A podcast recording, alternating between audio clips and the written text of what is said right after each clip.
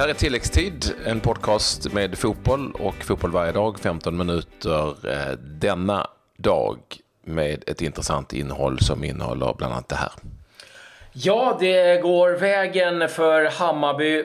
Riktigt tungt för Malmö FF. Atletico Madrid, där har vi eh, de stora mästarnamn när vi pratar om Europa League. Och England har tagit ut sin VM-trupp. Du var nästan lite tveksam där. Har de tagit ut den eller har de inte tagit ut den? ja, man får smyga in den där lite, lite grann. Det var en del överraskningar faktiskt och jag tycker att det var en eh, ganska eh, spännande trupp han tog ut, Gareth Southgate. Men det får vi återkomma till. Ska vi börja i Sverige eller ute i den vida världen? Vi börjar ju hemma tycker jag i Allsvenskan eh, givetvis. Där Gör det. Hammarby tog emot eh, Malmö FF på Tele2 och eh, det blev seger kan vi väl eh, säga direkt då för Malmö FF, eller för Hammarby med 3 2. Det var Malmö som tog ledningen. Sören Rex gjorde 1-0. Djurdjic Slash eventuellt självmål Strandberg, jag vet inte. Sen var det Svanberg som gav Malmö FF ledningen tidigt i den andra. Men Djurdjic och Padiba gjorde sen mål för Hammarby och vann den här matchen. Men eh, det var ett Malmö FF som eh, jag tycker var riktigt bra under långa stunder. Men de har inget flyt alls just nu. De har ju inte det.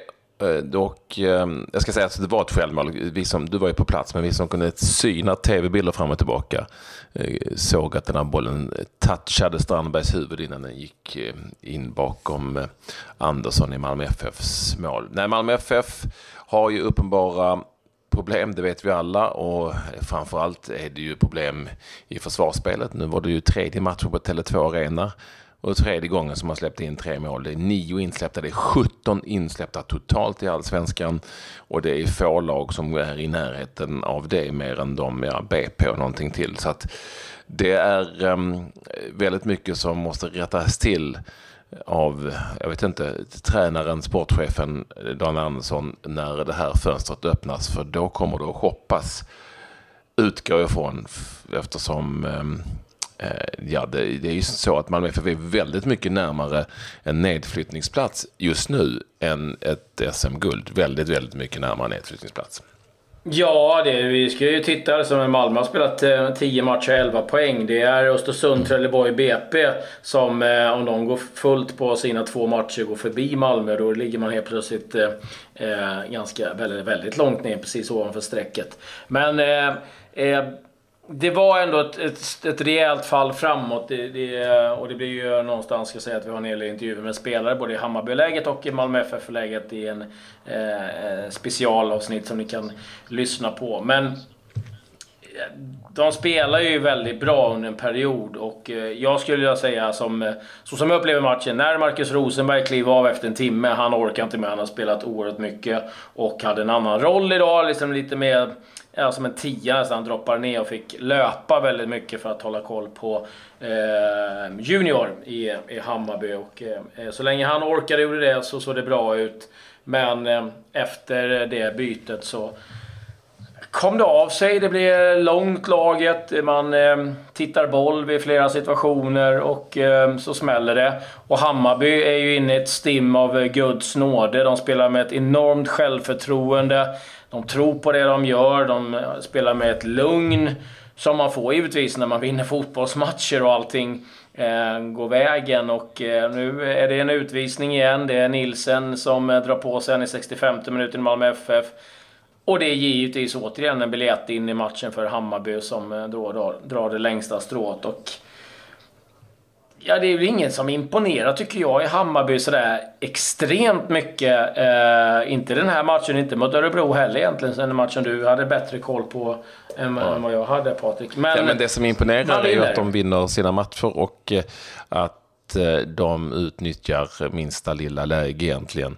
Eh, så de har gjort i de här två bägge matcherna när det har blivit dessutom, man har spelat en man mer. Det är ju inte alltid så lätt att liksom bara per automatik fixa det. Men det har de gjort och de har många spelare i bra form.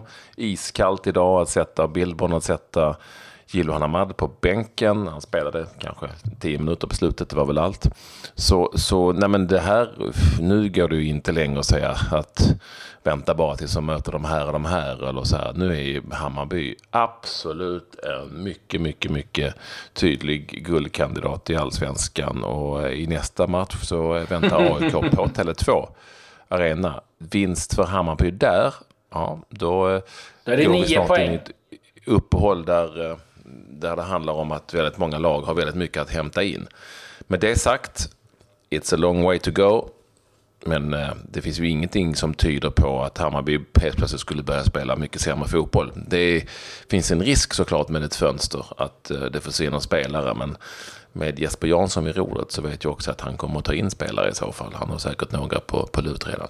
Men det var en intressant match och det var eh, väldigt, väldigt typiskt som du vinner på för ett lag som har självförtroende och ett lag som saknar allt. Malmö var ju lite som en boxare i den här matchen som på något vis var utslagen inför matchen, reste sig, slog ner sin motståndare, knockades igen, reste sig, slog ner sin motståndare, men fick till slut en sån jäkla kyss så det gick liksom inte att repa sig. Så att, eh, som en irländsk boxare, du vet, de som alltid åkte runt i Europa fick massa stryk.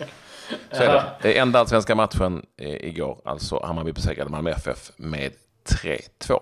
Mm. Europa League, där var det ju final i Lyon och det var Marseille mot Atletico Madrid. Och Atletico Madrid eh, stod där som eh, vinnare igen efter eh, två mål av Antoine Griezmann och ett mål av Gabi i den 89 minuten. Och Ja, det var eh, tungt givetvis för Marseille och eh, riktigt eh, tråkigt eh, att se Payet få kliva av tidigt i matchen eh, med eh, ja, tårar i ögonen. Bristning av slag, mm. ja. Och verkar ju också då liksom vara i väldigt stor risk att han missar VM också tack vare det där. Men jag såg ju inte ja, sådär jättemycket av matchen ska jag säga. Fantastiskt imponerande av av, nej, eh, alltså än en gång, det går inte att göra mål på Atletico Madrid. nu hade de, eh, Mitroglou hade ett stolp, en stolpnick på slutet och sådär. Men det är ju helt eh, osannolikt bra av Diego Simeones lag. Tredje raka, eller tredje raka, men tredje eh, Europa League-vinsten till att börja med. Och väldigt överlägset den här matchen. Den, den fotboll de spelar, som de får betalt för i eh, Europa League är ju på alla sätt och vis oerhört imponerande. Försvarsspel som är prickfritt, pressspel som är nästan omöjligt att ta sig förbi för de flesta av de här lagen de möter. Och det var likadant den här gången. Lite oflytt i början för Marseille men inget snack om saken. Vare sig för Atletico Madrid eller för var Simeone stod när matchen blåstes av. Nämligen på läktaren dit han blev uppvisad efter ett tag. Ja, han fick inte vara med från början. Han var... Nej, han fick inte, nej exakt, efter senaste, ja. senaste eh, matchen. Så att, nej men... Jag kan, ge, jag, kan ge lite, jag kan ge lite siffror på eh, mm. Atletico, Shoot. hur det har varit.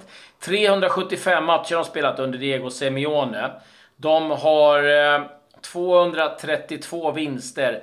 199 gånger har de hållit nollan under de här matcherna. Nej, och de har faktiskt bara släppt in fyra mål på hemmaplan under hela säsongen i La Liga. Det är oerhörda siffror. Och att göra det här jobbet år ut, år in, dag ut, dag in. Det är, är ruggigt imponerande. Vi kan slänga in att de varit i en Champions League-final också. De har vunnit eh, eh, eh ligan. Äh, riktigt eh, starkt gjort av eh, Simeone och eh, Atletico Madrid. Och en härlig avslutning ska vi säga för Fernando Torres som eh, gör sin sista säsong i Atletico. Så att, ja, och Torres fick komma in de sista minuterna. Det var faktiskt Griezmann som såg till att det bytet gjordes direkt efter 3-0 målet så var han ute och ropade in ehm, Torres för en avslutning med en buckla i handen för Atletico Madrid. Mästare alltså i Europa League efter 3-0 mot Olympique Marseille och matchen spelades i Lyon. Ja, eh, riktigt eh, eh, kul. Och eh, vi var ju inne på det. England har eh, tagit ut sin eh, trupp och eh, ja, som vanligt handlar det ju eh, nästan eh, mer om vilka som inte eh, kommer med än de som eh, får med. Vi pratade om det igår. Joe Hart, Jack Wilshere kommer inte med. Det blev bekräftat. Även Liverpools Adam Lallana eh, rök och eh, han har valt ett ganska ungt lag den här gången och en, en del överraskningar. Jag kan dra truppen lite snabbt. Många har vi? Känner ju igen namnen. Jack Butland, Jordan Pickford, Nick Pope. Då har vi målvakterna, backar. Trent Alexander-Arnold, din favorit. Gary Cahill, mm. Phil Jones, Harry Maguire, Danny Rose. John Stones, Kieran Trippier, Kyle Walker, Ashley Young. Mittfältare, Dele Alli. Fabian Delf, Eric Dye, Jordan Henderson, Jesse Lingard, Ruben Loftus-Cheek. Anfallare Harry Kane, Marcus Rashford, Raheem Sterling, Jamie Vardy och Danny Welbeck. Och det enda jag är lite överraskad över det är väl att Danny Welbeck fick en plats i den här VM-truppen. Men ganska ungt och eh, eh, de flesta i den här truppen spelar ordinarie och har ganska viktiga roller i sina klubblag och så har inte alltid varit fallet med det engelska landslaget. Så att, eh, där har ni den truppen. Överraskad av något namn? Ah... Loftus Cheek måste jag nog säga att jag inte kanske trodde skulle eh, komma med. Jag tycker lite synd om eh, Lalana. Eh, hade han varit frisk, har varit skadad en hel del på slutet, då tror jag att han hade varit ganska given i den här truppen. Men eh, eh, som Jan Andersson sa igår, det är bara 23 namn som får plats. Och, eh, han har också tänkt, tror jag, lite grann med vissa spelare att eh, kunna ha på lite olika eh, positioner eh, eh, för att kunna liksom, dubbelspela som Ashley Young till exempel, Fabian Delf, två spelare som kan eh, spela på lite olika platser. Ehm, har lite övriga nyheter från England. Det har varit ganska händelserikt faktiskt. Ehm, David Moyes Fick eh, Eh, reda på att han inte var välkommen tillbaka som manager för West Ham bara ett par timmar efter att Sam Allardyce fått sparken ifrån eh, Everton och eh, Everton gör en stor mm. rensning. Sportchefen får gå också. Steve Walsh in istället med Marcel Brands som har varit sportchef i PSV. Man har ny VD. Det är en hel del nytt i styrelsen också. Och så tror man att det blir Marco Silva Eh, jag vet inte om du kommer ihåg det, de var ju ute efter honom i, eh, i eh, första vändan efter att de sparkade Koman. Eh, men eh, då tackade ju Watford nej till 12 miljoner pund. Men fick han sparka själv till slut och nu är han då aktuell tillbaka till Everton. I West Ham så pratas det väldigt mycket om Manuel Pellegrini nu. Vi pratade ju om Fonseca igår men oddsen just nu talar för Manuel Pellegrini som tidigare tränare Manchester City. I Sverige pratas det om två stycken Östersundsspelare. Sotilos Papagiannopoulos eh, lär vara högaktuell för en övergång till FC Köpenhamn. Det är lite kontroversiellt där eftersom det är Daniel Kindberg som så här inledningsvis har varit med och eh, skött förhandlingarna.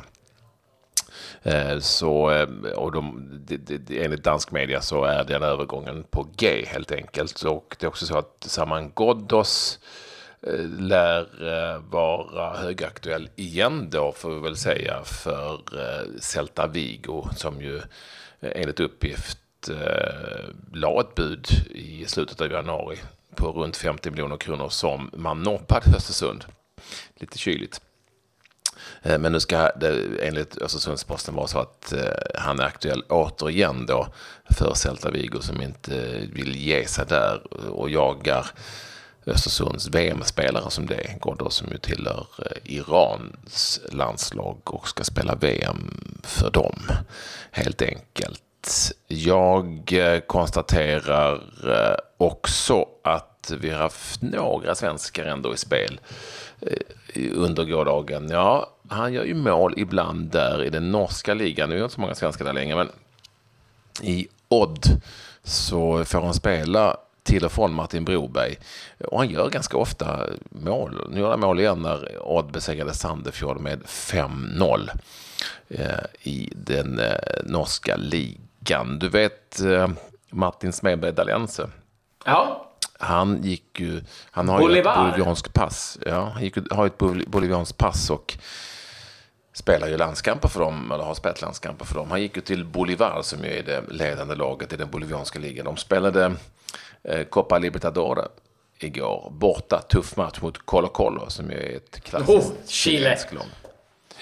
Eh, och han var med i den truppen. Det blev inget spel för Smedbergalense när Colo Colo vann med 2-0 och Esteban Paredes gjorde, Paredes gjorde bägge de chilenska målen i det mötet. Där kan det ha varit en rätt cool match ändå för att åka och spela mot Colo Colo som jag tror har en indianliknande symbol i sitt eh, klubbmärke. Ah, jag gillar ju det. Det måste ju vara ett av de coolaste namnen som finns. Colo, Colo, mm. Colo. Jag ska säga det för er som kanske inte har superkoll på Copa Libertadores så är det sydamerikanska varianten av Champions League. Ja. Eh, Claudio Ranieri är klart att han nu lämnar Nantes. Får se vad han tar vägen. Det lär nog inte sakna anbud för den italienska mästartränaren från eh, Leicester. Jakob Johansson, eh, det har vi kunnat prata om innan, att han är nu helt klart att han lämnar AIK Aten.